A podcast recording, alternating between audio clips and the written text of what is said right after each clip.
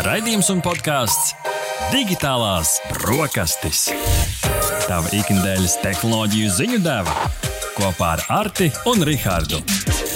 Labrīt, klausītāji! Kā jau katru piekdienas rītu jūs apsēžaties pie digitālo brokastu galda, uz kura tiks klāti gan dažādi zinātnes sasniegumi, sociālo tīklu uzplaiksnījumi, gadgeti, dažādi digitālās pasaules notikumi. Tās ir digitālās brokastis, jūsu ikdienas tehnoloģiju ziņu deva, un kā jau katru piekdienas rītu pie letes stāv šefpavārs Artis, un ar mani ir kopā cilvēks, kur mīļākais iepirkšanās veids veikalos pie kases ir Nopīkstinot, neviens cits kā tehnoloģija gurmāns Rihards. Labrīt, klausītāji Latvijas Rādio 1 un Radio Naba tiešraidē. Sveicien arī visiem tiem, kuri klausās vai skatās raidījumu ierakstā. Digitālās brokastis, kad vien vēlaties, varat baudīt populārākajās podkāstu platformās, Latvijas Rādio arhīvā, LSM.CLV, NABLV, kā arī Latvijas Rādio YouTube kontā. Šodien, 20. augustā, raidījums tiks servēts divās daļās. Pirmajā ikdienas Latvijas tehnoloģiju subjektīva objektīvais top 10. Un otrajā daļā intervijā noskaidrosim, kādas tehnoloģijas izmanto policija un apsardz tāds kārtīgs, kārtīgs otrais sēdiens, ar kuru iestartēt piekdienā. Bet šobrīd apskatīsimies, ko tad mēs vaicājam mūsu klausītājiem. LSM Instagram konta story šajos stāstos prasījām nedēļas sākumā kontekstā ar pagājušās nedēļas ziņu par to, ka Zoom būs fokusa režīms, ar kuru varēs fokusēties uz to, ko runā konkrētais runātājs, un lai neredzētu apkārt, ko iespējams dara, nu, piemēram, skolas stundās pārējie skolēni kamerās, tad ir šāds fokusa režīms, un tas lika aizdomāties un jums prasīt, kam tu dod priekšroku - sapulcē klātienē vai video zvanā. Jau ir pagājis vairāk kā pusotrs gads kopš pandēmijas sākuma dažādi šie video zvani jau šķietam ir ikdiena, taču, Rihard, kādi ir rezultāti? Jā, nu tad uh, es domāju, ka nav liels pārsteigums, uh, ka pēc tik ilga laika uh, video zvans iegūst tomēr gana daudz balss. Izrādās vesela viena trešdaļa no mūsu uh, sekotājiem Instagram kontā LSM.CLV saka, ka jā, es dodu priekšroku sapulcē video zvanā. Nu, tad, attiecīgi, uh, divas trešdaļas pārējo cilvēku saka, ka tomēr klātienē satikties un uh, noturēt sapulci ir pats labākais. Vesela viena trešdaļa vai tikai viena trešdaļa? Tāds ir jautājums. Man no nu, vienas puses pat šķita, un es pēc savu personīgā barometra mēru šobrīd šo sajūtu, ka man jau vienkāršāk ir no rīta piecelties, apsēsties pie galda un es esmu sapulcē. Nav jāpacējās, nav jādodas, bet laikam kaut kā tas cilvēcīgais kontakts, tīpaši pēc šīs skaistās vasaras cilvēkus uh, tirda satikties klātienē, mūsu savukārt tirda tehnoloģiju top 10. Sākam ar pirmo vietu. Ziņa numur viens. Sabiedriskā transporta uzņēmums Rīgas satiksme sākus testēt elektroautobusus, kas sākotnēji kursēs 12. autobusu maršrutā no Abrenes ielas uz kooperatīvu Ziedonis Katlakalnā. Šobrīd savu elektroautobusu testa braucienam piedāvājuši gan Skanija Latvija, gan Solaris Bus and Coach Latvija, kura testus plānots uzsākt jau tuvāko dienu laikā, un cerams, ka šis autobus jau kursē šobrīd mums par šo stāstot. Elektroautobus ir baltā krāsā un vizuāli atšķiras no pārējiem. Rīgas satiksmes eh, ierastajiem tumšu zilajiem autobusiem. Konkrētais Skanija autobus ir aprīkots ar 330 kWh bateriju, un ar to var nobraukt aptuveni 200 km. Es nezinu, cik Rīga ir plata no viena gala līdz otram, bet eh, diezgan ievērojams attālums. Tā lādēšanas jauda savukārt ir tiešā veidā atkarīga no lādētāja jaudas. Līdz ar to, jo jaudīgāks lādētājs, jo ātrāk uzlāde, tas diapazons šim konkrētajam skanija modelim ir no 1 līdz pat 10 stundām. 10 stundas lādēt autobusu laikam izklausās ilgi, taču no otras puses naktis ir gara vai ne, Rihard? To var uzlādēt arī noteikti 10 stundās. Nākamo 5 līdz 7 gadu laikā Rīgas satiksme plāno nomainīt aptuveni 250 autobusus, daļu no tiem arī uz dažādiem šiem zaļajiem transporta līdzekļiem. Un testa braucieni ir nepieciešami, lai vienkārši pārliecinātos, kā tas atbilst maršrutu tīklam. Šis te konkrētais piemērs, Rihard, cik reizes pāri Rīgai gan jau var pārbraukt ar šo autobusu, un kā arī braukšanas paradumu, šo ietekmes izmaiņu un enerģijas patēriņu. Dažādas lietas jānotestē, un tad, iespējams, kādu dienu redzēsim elektroautobusu šeit pat Rīgā. Rihard, elektroautobus vai ūdeņraža autobus? Kas ir labāk? Jā, nu kas to zina? It kā jau stāsta, ka tas ūdeņradis ir labs priekš tām, priekš tiem lielajiem, lielajiem transporta līdzekļiem, bet noteikti arī elektroautobuss ir solis tādā dabai draudzīgākā virzienā. Bet, nu, katrā ziņā, cik es lasīju, lasīju internetā, tad 23 km ir šis konkrētā maršruta garums. Tā kā mm. varēs nobraukt, ja mēs pareiķam 200, 200 km, nu, tad 23 km. Nu, 9 reizes? Jā, nu, gandrīz 9 mm. reizes jā, varētu nobraukt. Ziņa numur divi. Ministru kabinets izskatīs vides aizsardzības un reģionālās attīstības ministrijas piedāvājumu finansiālam atbalstam grantu veidā, lai iegādātos vidē draudzīgus, maz emisiju un bez emisiju transporta līdzekļus. Atbalsta programma būs iedzīvotājiem pieejama 2022. gada sākumā. Tās nosacījums un prasības valdība apspriežot tikai vēl rudenī. Nu, tā tad uh, varam uh, rosina sniegt atbalstu iedzīvotājiem jaunu, un tas būtiski piebilst, vai lietotu Un, kā tiek rakstīts, rūpnieciski ražot, tas nozīmē, ka nu, ne, mēs neārts nevarēsim paši mm -hmm. uzražot un tad attiecīgi pārdot tātad elektroautomobīļu iegādēji. Un arī attiecīgi jaunu rūpnieciski ražotu spraudņu, jeb tā saucamo pluginu uh, hibrīda auto iegādē. Atbalsts tiks īstenots sadarbībā ar komersantiem, kas atbalstī, atbildīs atbalsta programmas nosacījumiem un būs noslēguši līgumu ar SIA vidas investīciju fonds. Nu, lūk, un tad attiecīgi būs iespēja iegādāties tos par būtiski lētākām cenām, nekā to būtu iespējams izdarīt bez šīs atbalsta programmas. Nu, viena jauna elektroautomobīļa iegādē varam rosinās noteikti 4500 Oho, lielu grantu. Tā ir ievērojama atlaide. Savukārt tieši tā, savukārt lietot elektroautomobīļu un jauna sprauņa hibrīda auto iegādēji uh, 2250 eiro lielu grantu. Protams, jāņem vērā, ka šīs mašīnas nav pašas lētākās. Mm -hmm. Elektroautorāti ir tomēr bieži vien dārgāki nekā, nekā ierastās iekšdedzes dzinēja mašīnas, uh, bet jebkurā gadījumā šis ir atbalsts.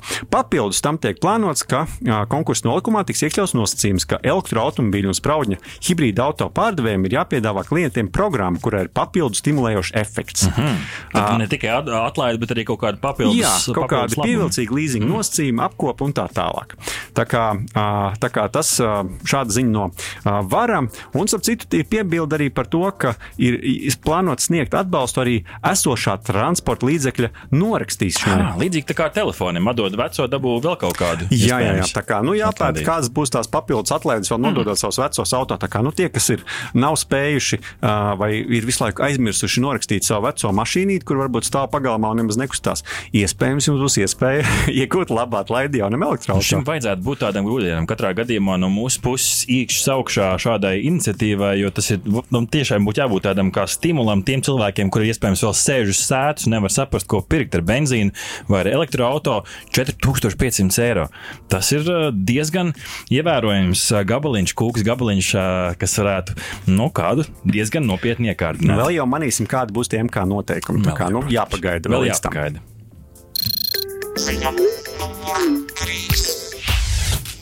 Turpinām no vienas iestādes uz nākamo, šoreiz uz lielākiem gaitiņiem, uz Eiropas komisijas gaitiņiem, kur ir paziņojis, ka septembrī nāks klajā ar jaunu priekšlikumu. Kāds tas ir? Nu, redz, kā viņi ierosinās vienotu standartu vietāluņu, jeb šo mobilo ierīču lādētājiem. Kā raksta kursors LV, tad iOS un Android ierīču lādētāji atšķiras. Tas ir, protams, skaidrs. Vienam ir Type-C, otram šis Thunderbolt risinājums, kas ir Apple ierīcēm. Taču ir jāpieņem vienots standarts, kas visticamāk tiks salāgots tieši ar Android ierīcēm. Uh, to Eiropas komisija pamato ar 2019. gadā veikto pētījumu, kura dati liecina, ka Apple Lightning uh, kabelis tiek izmantots tikai 21% tāruņu attiecīgajā laikam Eiropas Savienībā. Pagaidām gan detalizētāka informācija par tiesību aktu izstrādi nav pieejama, taču zināms, ka Eiropas parlamenta deputāti ir nobalsojuši par šāda standarta izveidi, jo šobrīd dokumenti jau tiek, tiek gatavoti.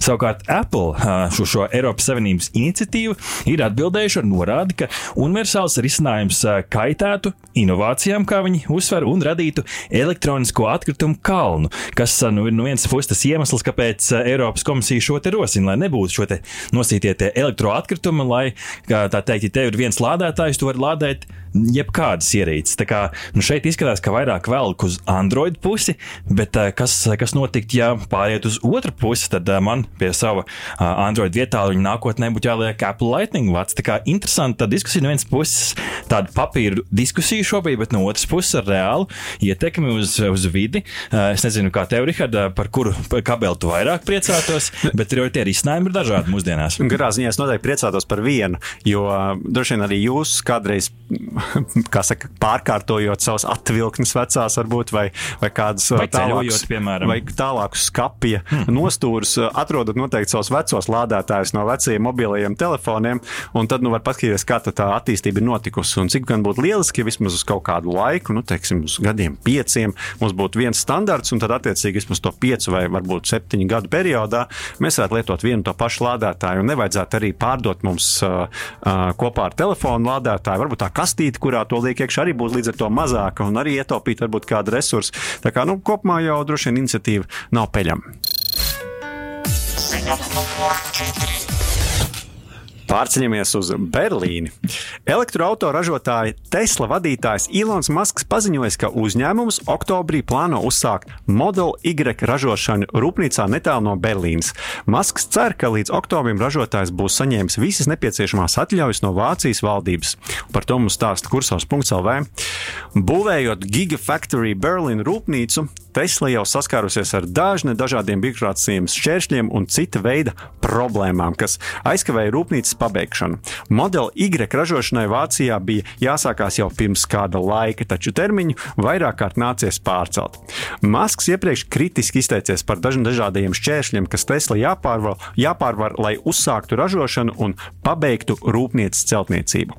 Lai arī nākamais ražošanas uzsākšanas termiņš ir oktobris, jebkurā gadījumā pastāv vērā ņemams uh, iespējamības, ka modeli Y ražošana rudenī tik un tā vēl varētu nesākties. Vācijā ražotājs modeli Y tiek gaidīts ar interesi, jo Masks iepriekš apgalvojis, ka tur ražotā mašīna saņems dažādus uzlabojumus un radīs autobūves revolūciju. No vienas puses jau, nu, ja mēs skatāmies tīri geogrāfiski un praktiski, tas attālums no Latvijas līdz Vācijai nu, ir gaužām, gaužām mazāks nekā iespējams no citām ražotnēm, kur šobrīd uz Latviju plūst Tesla automobīļi. Līdz ar to, ja mēs skatāmies tīri uz cilvēkiem, kur iekāro šo konkrēto zīmolu, tiem cilvēkiem šī varētu būt laba ziņa, un no otras puses jau šī varētu būt laba ziņa arī pārējiem, jo vēl viens konkurents tirgu līdz ar to lielāka konkurence pārējiem Vācijas un pārējo Eiropas valstu autoražotājiem. Tā kā beig beigās iespējams labāks produkts gala patērētājiem. Ziņa numur 5. Tehnoloģija uzņēmums Oppo prezentējas tās jaunākos sasniegumus mobilo ierīču kameru tehnoloģijās. Kā raksta TheVerge.com, Oppo trīs lielie paziņojumi bija pirmkārt kameras tehnoloģija ar nepārtrauktu optisko pietuvināšanu, otrkārt piecu asu optisko attēlu stabilizācijas sistēmu un treškārt jaunu attēlu sensors. Paskaidrosim, kas tad ir katra no šīm lietām kāpēc šī ir piektās vietas cienīga ziņa. Pirmkārt, nepārtrauktā optiskā pietuvināšana atšķiras no šodien tirgū pieejamā pieejamiem risinājumiem. Tas tā ir tā telefoto kamera, kur šobrīd var simts reizes pievilkt, un tad tev ir tāds digitāli pievilkts attēls, dažkārt graudains, dažkārt galīgi nelietojams. Šeit, atšķirībā no digitālajiem brāļiem, šī metode strādā tā, ka šīs lēcas fiziski kustās šajā mazajā lēcu ietvarā. Līdz ar to tas solījums ir, ka bez digitālas pietuvināšanas, bez attēlu apgriešanas vai mākslīgas apstrādes šis attēls būs daudz labāks. Līdzīgi risinājums, starp citu, jau ir prezentējuši Vivo tā Apex 2020 uh, koncepta vietā. Tā kā nav pilnīgs jaunums, taču varētu būt tā, kaut kādā ziņā kaut kādas tendences iezīmētājs. Piecu asu optiskā attēla stabilizācija. Kas tad tas tāds? Tas ir tas brīdis, kad tev kratās roka filmējot vai fotografējot, un tad šī asu stabilizācija šo lēcu uh, kopā ar giroskopu nu, citā veidā nedaudz kustina līdz tavām kustībām. Rezultātā tev sanāk stabilāks attēls. Un visbeidzot, attēla sensors, uh, attēla sensors izmanto RGBW šis krāsu gama RGB. Šeit vēl nāk W, kas apzīmē baltos pikseļus, baltos apakšpikseļus, un Oppo apgalvo, ka šis attēla sensors palielinās gaismas jutību ar šo risinājumu par 60%. Lai gan iepriekšējie RGBW mēģinājumi no uzņēmuma nebija veiksmīgi, šoreiz viņi saka, ka esat uzlabots ražošanas process un algoritmi, līdz ar to vēl gaismas jutīgāka kamera. Es gan neesmu fotografijas speciālists, bet nu, tā, ja mēģinu vienkārši tā saprast, vairāk šo gaismu spēju uztvert, līdz ar to iespējams pat tumšākās vietās varētu būt labāk. Tas, ka ne šobrīd mans minējums, bet savā ziņā tāds būtu tendenci iezīmētāji, kas tad vēl var būt uzlabojums vietāluņos, kas mūsdienās, manuprāt, jau ir gaužām, gaužām noslīpēti. Godlike! Ziņa numur 6. Finanšu pakalpojumu uzņēmums Mastercard paziņoja, ka sākot no 2024. gada tas sāks izskaust magnētisko joslu un tās kredīta un uz tās kredīta un debeta kartēm. Šādas izmaiņas Mastercard pamato ar to, ka industrija virzās uz drošākiem un parocīgākiem risinājumiem, kas ir čipi un bezkontakta maksājumi. Regulējuma atšķirību dēļ Eiropā un ASV šīs izmaiņas notiks atšķirīgos ātrumos, taču pilnībā magnētisko joslu Mastercard Mastercard pārtrauks izmantot līdz 2033. gadam. Un par to mums stāsta TheVerge.com. Magnētiskus ierakstus uz metāliskas lentes izgudroja Valdemārs Polsens ap 1900. gadu Dānijā. 1969. gadā IBM inženieri aizguva magnētiskās joslas ideju un apvienoja to ar plastikāta kartēm pēc ASV valdības drošības sistēmu pasūtījuma. Neilgi pēc tam, 1971. gadā, IBM uzņēmējiem atklāja tās pirmo magnētisko kredītkaršu servisu centru. Krietni vēlāk, 20. gadsimta izskaņā, parādījās IMV čipa standarts, kas mūsdienās pēc IMV Co datiem tiek izmantots 86% klātienes darījumu. Nākotnē gan varētu piederēt bezkontakta maksājumiem, kas pēc Mastercard datiem esot krietni palielinājušies Covid-19 pandēmijas laikā. Tādas lūk ziņas. Attieksimies no šīs melnās strīpiņas uz mūsu, uh, mūsu debetu un kredītkartēm. Es tieši domāju, kad bija pēdējais brīdis, kad es šo izmantoju bankas kartē, laikam sen neatceros, tas bija papildus uz čeka jāparakstās, ka tas Jā, tiešām ir tu. Pēdējā reize laikam gan bija kādam no lielveikalu ķēdēm, kurām ir šīs lojalitātes kartes. Tur gan vēl ir atsevišķām kartēm, ir vēl, vēl šī opcija novilkt šo karti, mm -hmm. nosvaipot, bet nu, tev kā, Richard, kā pīkstinātājiem šis laikam kā pīlē ūdens. Jā, nu tā varētu teikt, bet jāsaka tā, ka tā novilkšana reizēm strādā vēl ārpus Eiropas, aizbraucot kā tālāk mm, valsti. Taisnība. Reizēm gadās, ka tur ir šī magnētiskā lenti jāizmanto. Tā kā nu, interesanti jaunumi. Ziņa numur 7. Septītā ziņa digitālajās brokastīs no Ķīnas, kur solot, ka septembrī būs pieejams GAC Aeon V elektroauto. Ar ko tad īpaši šis nu, no vienas puses nedzirdētā zīmola auto? Kā vēsta vietējie Ķīnas mēdī, tad auto četru minūšu laikā spējot uzlādēt 35 kW enerģijas un sasniegt 80% uzlādes robežu. 4 minūtēs 80%. Nu, kaut kā neticās. Kā raksta kursors Resurss LV, tad šie dati gan pagaidām ir nepārbaudīti, taču, ja demonstrēties atbilst patiesībai, tas varētu būt neticams izrāviens elektroautorāta uzlādes tehnoloģijās. Ražotājs sola, ka auto ar vienu uzlādi spēšot nobraukt 1000 km, bet arī to pagaidām nav iespējams pārbaudīt. Citām konkrētām modeļa versijām pieejamā uzlādes jauda nesot tik liela, arī solītais šis baterijas mūža ilgums ir diezgan ievērojams. Lādējoties optimālā temperatūrā, baterijām tiek solīts miljons miljonus kilometru dzīves ilgums. Nu, šādi neticami jaunumi no Ķīnas gribētos tiešām pārbaudīt, vai, vai tā. Būtu jau labi, ja tā būtu, bet, nu, kā tur saka, solīts makā nekrīt, vai ne? Ziņa numur 8. Tehnoloģija uzņēmums Boston Dynamics kārtējo reizi atrādījis tās robotikas sasniegumus. Cilvēkam līdzīgajam atlas robotam demonstrējot parkūra trikus. Atlas roboti lec, met salto, skrien pa slīpām virsmām un spēj stabili noturēties kājās. Tas gan bija skaistais gala rezultāts lielam darbam un vairākiem mēģinājumiem, taču neskatoties uz to, tas ir kārtējais sasniegums robotikas attīstībā. Kā skaidrots portālā TheVerge.com, Atlas savā būtībā ir pētniecības projekts. Progresīva mašīna, kas palīdz uzņēmuma inženieriem izstrādāt labākas kontrolas un uztveres sistēmas un laiku pa laikam iepriecināt internetu lietotājus ar šādiem lūk, jauniem pārsteidzošiem video. Tas gan nav tik vienkārši, kā sākotnēji izskatās. Nevar tā vienkārši norādīt robotam uz šķēršļu joslu un teikt, lūdzu, izpildi, un, kā saka, mēs to visu nofilmēsim. Izrādās, ka tam ir nepieciešams kārtīgs darbs, tā skaitā sagatavojot choreogrāfiju.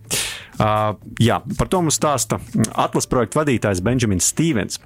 Un uh, tieši tā viņš arī saka, tas nav robots, kurš maģiski izlēma nodarboties ar parkūru. Tā ir sava veida choreogrāfija, līdzīga skateboard vai parkūra video. Jā, šie roboti ir dejojuši, cilājuši kastes, tagad uh, jau skrien pa sienām, bet, uh, laikam, lai nomierinātu visus tos, kam šeit kā roboti līdz pārņems pasauli, tur patiešām liels darbs uh, ir aizklausēs. Viens bija tas skaistais video, otrs bija tas video, kur viņi rādīja, kā tad reāli bija. Un tur nu, viņi darīja visu kaut ko, pieregulēja kastes kastes, lai viņš tikai nenokrīt zemē. Viņš krita uz vēdera, uz muguras, tur pat rādīja, kā viņa maina šīs aizsargājušās detaļas, kas bija noskrāpētas. Katrā ziņā roboti vēl nepārņem pasauli, bet ir diezgan ievērojami progresējuši. Kit? Kit, talk to me! Laba ziņa visiem video spēļu cienītājiem. Pasaulē populārā video spēle Fortnite ir atklājusi jaunu spēles režīmu Imposters, jeb latviešu blēži. Spēlētāji tiek sadalīti divās komandās, līdz astoņiem aģentiem vienā, kur mērķis ir atrisināt virkni uzdevumus, un otrā komandā divi blēži, kur mērķis ir vienu pa vienam noslaktēt visus aģentus. Aģenti pilda savus uzdevumus, blēži dara savu, un jebkurā spēles brīdī spēlētāji var sasaukt sapulci, apspriest savus aizdomus un kādu izbalsot. Kur mēs, Rihard, esam dzirdējuši šādu spēles scenāriju? Nu, redz, kā spēles režīms nepārprotami atdarina pandēmijas laikā milzīgo popularitāti guvušo šo spēli Among Us. Inner Sloth, kas ir šīs spēles izstrādātāji, Among Us izstrādātāji, ir pārsteigti un neapmierināti, protams, ka Epic Games ir tik klāji nokopējis viņu spēli, tās karti un pat šos diskusijas elementus un aspektus. Vislielākā vilšanās viņam esot par to, ka Epic Games nesot pat pacenties, lai diži izmainītu Among Us spēles terminoloģiju. Pati karta ir gaužām līdzīga tām, ko ir iecienījuši Among Us spēlētāji, un izpildījums arī klāji neatpaliek no tā, kā raksta TheVerge.com. Redz, kā Rihards, nu, la, laikam tik klaju kopēšanu es neesmu redzējis, lai gan nav jābrīnās, jo sociālai tīkli kopē dažādus režīmus, tikai nedaudz pārsauc to. Nu šeit viņi ir bijuši tik slinki, ka pat nav izdomājuši citu terminoloģiju, tos pašus imposters arī ir izmantojuši. Tā kā no vienas puses, nu varbūt kāda bēda Mongas spēlētājiem, kāds, kādam varbūt kremt, no otras puses, es domāju, ka Fortnite spēlētāji par šo krietni uzgavalē, vai ne? Ziņa numur desmit. Sakaru uzņēmums T-Mobile izmeklē atgadījumu, kurā pirmšķietami tam ir nozagti ap 100 miljonu klientu datu un tie tiek tirgoti internetā. Kāds anonīms hakeris pārdod par 6 bitkoņiem, jeb aptuveni 230 tūkstošiem eiro datu ap, ap kopu ar 30 miljoniem sociālās apdrošināšanas numuriem un autovadītāju apliecībām. T-Mobile ir apstiprinājis, ka ir notikusi nesankcionēta piekļuve T-Mobile datiem, taču viņiem vēl jānoskaidro, vai klientu personas dati bija daļa no tiem nu, var sakot, uh, kā apgalvo hakeri, uh, attiecīgi tad ir noticis šāds te, šāda te ielaušanās. Pēc Vice.com portāla raksta, dati tikuši iegūti no T-Mobile serveriem un ietver informāciju par sociālās apdrošināšanas numuriem, tālruņa numuriem, vārdiem, fiziskajām adresēm, unikālajiem IMEI numuriem un autovadītāju apliecībām. Ja apgalvojumi izrādīsies patiesi, tad hakeru laupījums ierindosies starp pasaules vēsturē lielākajām datu zādzībām. Šī nebūs gan pati lielākā, jo ir bijuši arī vēl lielāks kļūmes un, uh, un uh, dišķibeles ar datiem, taču nu, 100 miljoni ir diezgan ievērojams skaits T-Mobile. Uh, tepat arī Eiropa arī kaut kur darbojās un Amerikā kā, nu, tas datu kopā ir diezgan ievērojami. Par laimi pieklāvējiem pie galda šeit pie mums tā, nekas tāds nav noticis, un šo Rihardu ir kārtīgi jāsagramo, tāpēc nodosimies muzikālā starpbrīdī. Mm. Mm. Ko liksim uz kārā zoba? Digitālo brokastu saldais ēdiens. Dāmas un kungi, sveicam jūs atpakaļ pie digitālo brokastu galda. Modernās tehnoloģijas ir daļa no mūsu ikdienas. Kā tās ir mainījušas policijas un apsardzes uzņēmumu ikdienu, kādas viedās tehnoloģijas tiek pielietotas sabiedrības drošības un kārtības nodrošināšanai, un kādas iespējas tās varētu piedāvāt nākotnē. Par to visu sīkāk veicāsim mūsu šīs dienas raidījuma viesiem. Toms Sadausks, Rīgas pašvaldības policijas galvenais sabiedrisko attiecību speciālists. Labrīt, Tom! Labrīt, labrīt. Un ar mums kopā arī Arts Velšs, G4S iekšējās drošības dienas vadītājs. Labrīt, Arts! Labrīt, labrīt, labrīt. Redz, cik jauki pie viena brokastu galda divi vārti satikās. Parunāsim par tehnoloģijām. Tas ir patiešām jauki, bet pirms mēs, Rihard, runājam par tehnoloģijām, man šķiet, ka ir jāsaprot nedaudz tā, kā vispār pie tehnoloģijām var tikt un kā tās ietekmē to ikdienu. Tāpēc varbūt tāds nu, iesildošais jautājums, varbūt sākumā adresēšu Tomam. Kā atšķirās vispār tā, nu, tās iespējas pašvaldībai un varbūt nu, privātiem sektoram šādas drošības un kārtības nodrošināšanai izmantot tās tehnoloģijas? Vai ir tik vienkārši, kā mēs ieraugam, uh, ieraugam ka ir iz, iznācis jauns gadgets un uzreiz to var dabūt, vai tur ir kaut kāds process apakšā, kā vispār, kā vispār var uh, realizēt to, to ceļu no idejas līdz brīdim, kad mūsu kārtības sargiem ir kāds jauns gadgets, ar ko mūs aizstāvēt? Nu, te ir uh, divas nianses. No vienas puses mums ir uh, sarežģītāk ieviest jaunas tehnoloģijas, tādēļ, ka uh, nu, uh, kā publisks, kā publiska iestāde mēs izmantojam arī publiska, publiskus līdzekļus, un līdz ar to nepārbaudītas uh, tehnoloģijas vai, vai, vai pārmēru labas, nu, piemēram, iPhone uh, iegādāties vai kā tam līdzīgi. Nu, uh, to mēs nedrīkstam, jo tā būtu izšķērdība. Taču no otras puses mums ir plašākas iespējas uh, uz kaut kādām specifiskākām ierīcēm, kuras uh, tāda civilai lietošanai nu, nemaz nav paredzētas. Tu minēji, ka nepārbaudītas tehnoloģijas kādam iepriekš ir jānotestē, lai policijai tas būtu gana labi. Nu, es neteikšu gluži tādā ziņā, ka nepārbaudītas, nu, ka tur būtu vajag testi jāveic, bet vairāk tādā ziņā, ka no nu, tie ir publiskie līdzekļi, kurus mēs izmantojam. Un, un, un, un, Es domāju, ka ja šodien mēs sāktu braukt ar elektroskūteriem, visiem tas šķistu pilnīgi pieņemami, bet ja mēs to būtu darījuši pirms diviem gadiem, uh, ka, kad vēl nebija īsti skaidrs, vai tas ir nākotnes transporta līdzeklis vai nav, tad daudziem rastos jautājumi, vai tiešām šis ir labākais veids, kā izmantot šos līdzekļus. Un te mēs arī dzirdējām, nu, pu publiskā nauda, publiskie līdzekļi. Es pieļauju, ka šis privātajam sektoram nav šķērslis, kas jāpārvar, bet vai tiešām viss ir tik vienkārši arī privātajā pusē? Jā, nu jāsaka, ka privātajā sektorā, protams, tā situācija ļoti atšķirās. Un, jāsaka tā, ka man ir tā brīnišķīgā iespēja pēc vairāk kā 26 gadu izdienas valsts policijā patreiz uh, strādāt otrā frontes pusē, ja tā var teikt, privātajā sektorā. Un, protams, es jūtu to atšķirību. Un atšķirības jau galvenais ir ātrums. Ātrums un piedāvātās iespējas. Un pilnīgi pareizi, kā jau arī Toms teica, tad valsts pārvalde pārsvarā tieši bremzē visu šie saistīti izdevumi, kas, protams, ir pamatojami ar, ar liederību, un tie ir valsts budžeta līdzekļi vai pašvaldību līdzekļi. Tur ir specifiskāka ar iepirkuma procedūra, savukārt privātajā sektorā ir pavisam citi principi. Ja, šeit strādā produkta reklāma. Un, ja produkts strādā, ir pārbaudīts, notestēts un konkrētajā valstī ir saņa, izgājis to oficiālo certifikācijas procesu un atzīts par drošu esam, tad principā jau neviens, nevienu nevar atturēt, iegādāties un arī izmantot šos gan gadgetus, gan dažādas iespējas un programmas. Kā, protams, ka privātais sektors, uzņēmēji noteikti ir daudz, daudz tālāk priekšā tādā nodrošinājuma ziņā, gan arī tehnoloģiju izmantošanas ziņā nekā valsts pārvalde. Bet tas ir laikam pašsaprotami. Gan izklausās, ka visi brauc ar elektroskūteriem, visiem ir iPhone privātajā sektorā. ja tā triviāli izskatās. Nu jā, nu tas, tas, tas apmēram ir stāsts, ko es atceros. Mēs arī policijā visu laiku diskutējām, ja, kad nu, mūsdienās jau absolūti ir pilnīgi skaidrs, ka policistam, policistam blakus nu, mēs saprotam, ir vajadzīgs tur ierocis un varbūt elektrošoks un tā tālāk, bet ir vajadzīga bodī kamera vai ķermeņa kamera, ar kuru visu fiksēt. Jā, diemžēl zinu, ka valsts policijā tas ir ļoti akūts jautājums finansējuma trūkuma dēļ, un viņas ir ļoti maz. Droši vien, ka Rīgas pašvaldības policijā to ir vairāk, bet nu, tas jau liekas, ka pašsaprotami, ka tā vajadzētu būt. Ja? Nu, savukārt, privātajā sektorā, ja kurš uzņēmējs, kurš teiksim, rūpējas un kuram būtu nepieciešams tāds gadgets, noteikti atvēlēt līdzekļus un tos arī iegādāt. Jā, man uzreiz līdz ar to es arī paturpinot tieši ar iesākto uh, par to, kas tam nu, policistam līdzi ir dodoties uzdevumā. Tomam jautājums, nu, kādas tehnoloģijas ikdienā ir pašvaldības policistu ekipējumā? Nu, tad, ja mēs apskatāmies uz viņu to apģērbu, kas ap viņu tur apkārt ir, kas viņam ir pielikts. Mums ar Arti, piemēram, ir, nu, kas mums ir džinsi, krekls un Olas mobilais, mobilais telefons un, un varbūt dzīvokļa atslēgas, kas līdzi ir, ir pašvaldības policistam.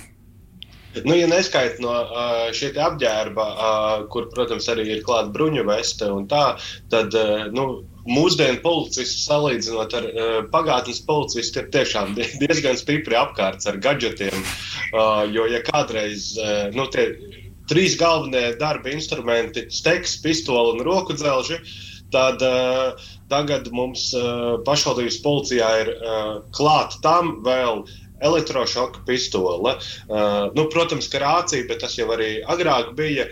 Uh, tad ir body kamera, uh, tad ir, protams, vēl. Uh, Atsevišķi vēl cita veida sakaru līdzekļi, mm proti, planšetes.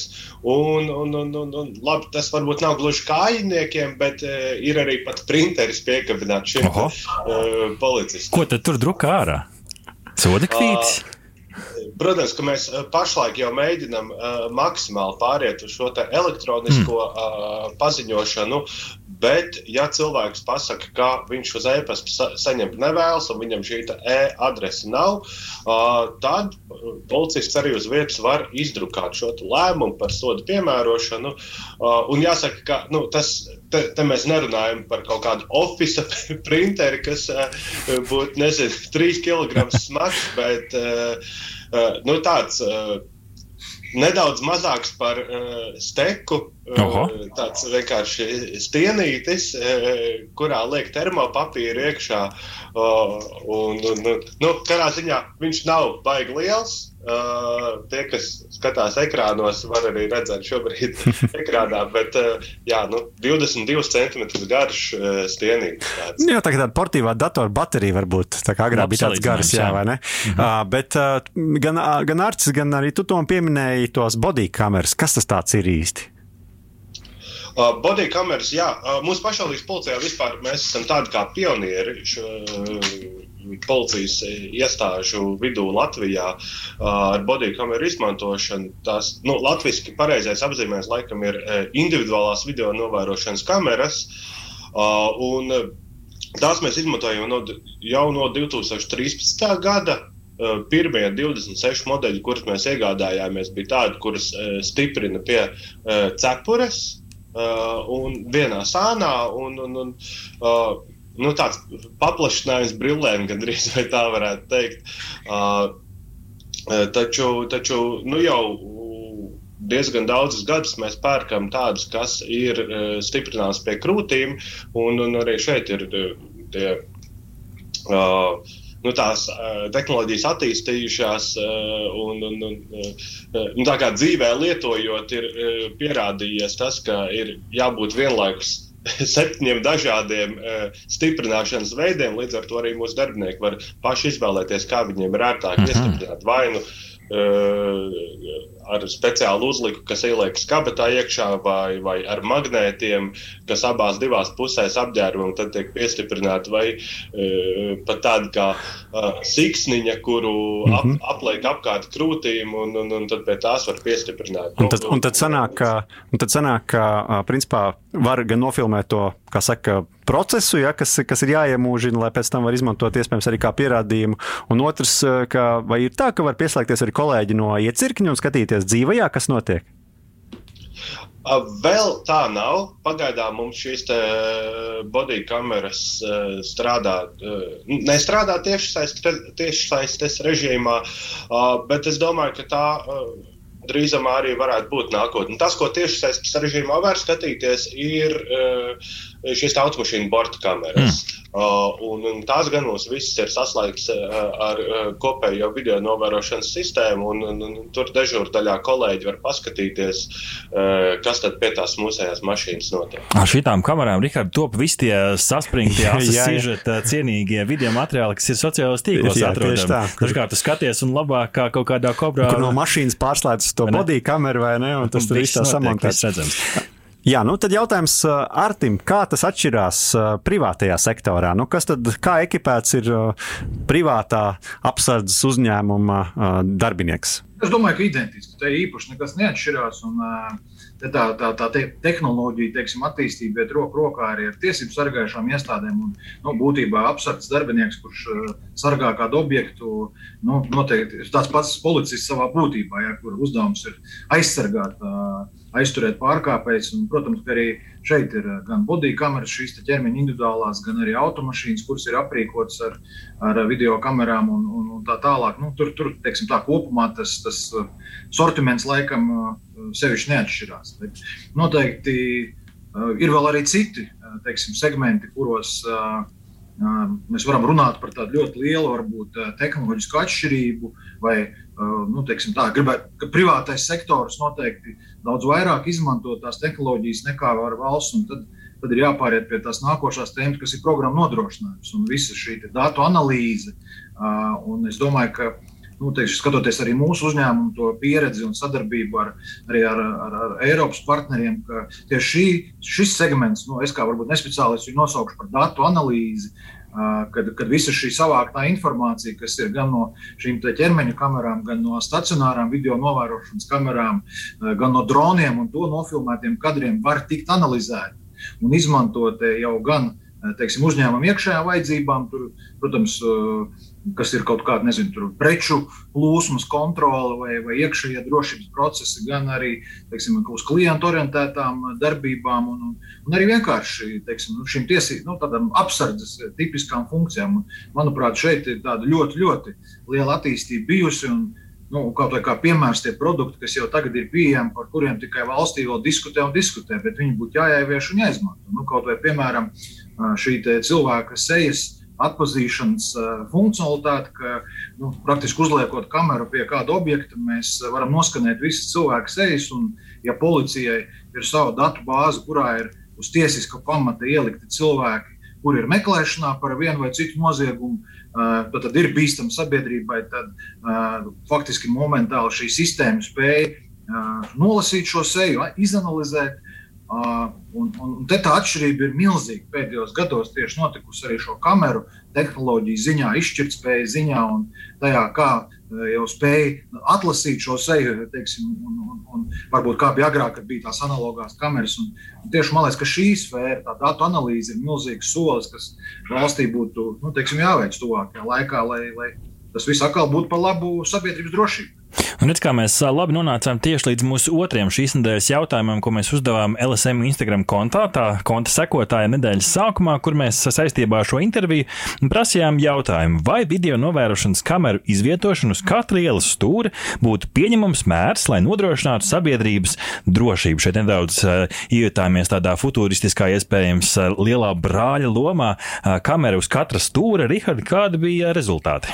Jā, izrādās, es pat biju nedaudz pārsteigts, jo parasti jau sabiedrība tomēr satraucas par to, ka viņus vēros, viņus iespējams arī atpazīs, izmantojot jaunākās tehnoloģijas. Bet 71% tātad, principā, divas trešdaļas sabiedrības saka, ka viņi atbalsta šādas novērošanas kameras, un savukārt 29% teica, ka nu, tomēr negribētu uz katru stūri, ka kāda acis viņus vēro. Un šeit es piespēlēšu jā, jautājumu Tomam par tām iespējām un cik plaši vispār ir tas, tas lokus, tās novērošanas tehnoloģijas, cik ļoti tiek izmantotas tieši Rīgas ietvaros, vai visi stūri ir redzami, vai tomēr uh, vēl nevaram runāt par to, un vai vispār redzams. ir, kas tos visus stūrus vēro. Arī gan, jā. Nu te jāsaka, ka, uh, protams, ka visi stūri vēl nav redzami. Uh, un, un, un, un es domāju, ka tuvāko gadu laikā arī uh, tas nebūs iespējams. Uh, bet te mums iedalās uh, šīs kameras tādās, teiksim, divās kategorijās.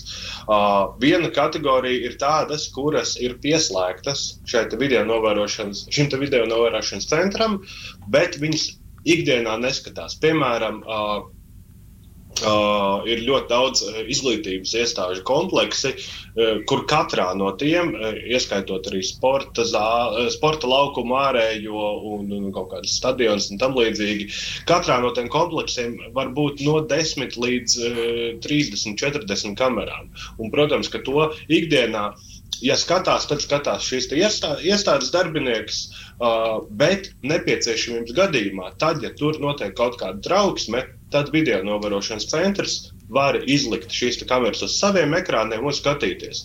Un tad ir tā otra kategorija, kas ir. Uh, tās kameras, kuras skatās ikdienā.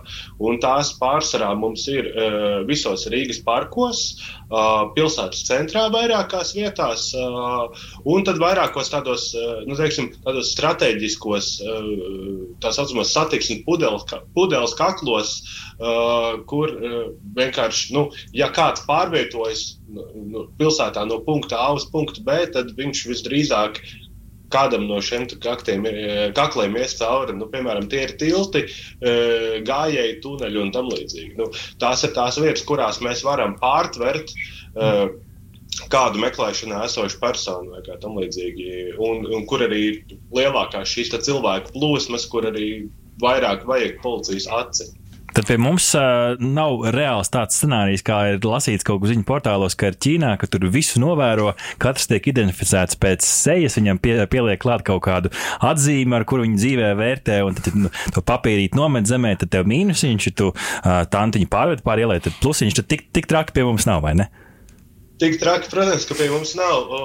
Bet e, es varu teikt, to, ka pārkāpēji e, arī cīnās pret kamerām. Mm -hmm. īpaši, īpaši mēs to esam redzējuši no kabeļu zagļiem. Jo tos mēs tiešām mēģinām ļoti uzraudzīt caur šīm video novērošanas kamerām, un tad nepieciešamības gadījumā piesaistīt darbinieku tā teikt uz zemes, kas ir. Un tad mēs esam redzējuši, nu, ārā ir plus 25, nevienas mākonītes pie debesīm nav, un tad iet pa gājēju tuneli trīs cilvēku lietas sargos. Mm. Protams, ka no malas viņi uzreiz izskatās uzkrītoši, e, bet no savu daļēji jau viņi savu panāk, un, un daļēji no tām kamerām var paslēpties. Viņi, viņi... Tajā pašā laikā viņi ir divi tik pamanāmi. Jā, nu viņiem varbūt saules sargi. Trīs vīri negrib, negrib iesāļoties.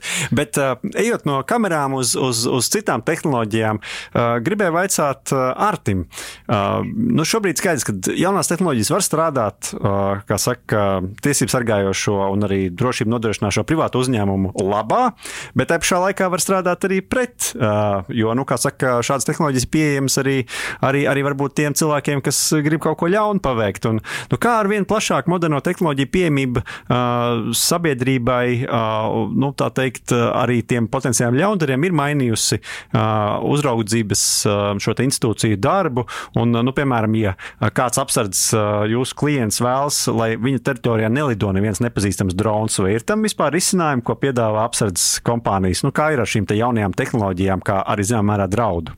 Jā, protams, protams, ir tā, ka šīs divas pasaules, noziedzīgā un laicīgā, nosauksim tā, attīstās paralēli. Un skaidrs, ka uh, noziedzniekiem ir savi mērķi. Un, un, uh, ja mēs paskatāmies apsardzes kompānijai vai cilvēkiem, kas rūpēs par drošību, ir, uh, ir pavisam citi mērķi. Un skaidrs, ka šeit šīs tehnoloģijas nestāv absolūti uz vietas un attīstās. Un, un es teiktu, ka, vēlreiz, ka šī attīstība ir bijusi milzīga.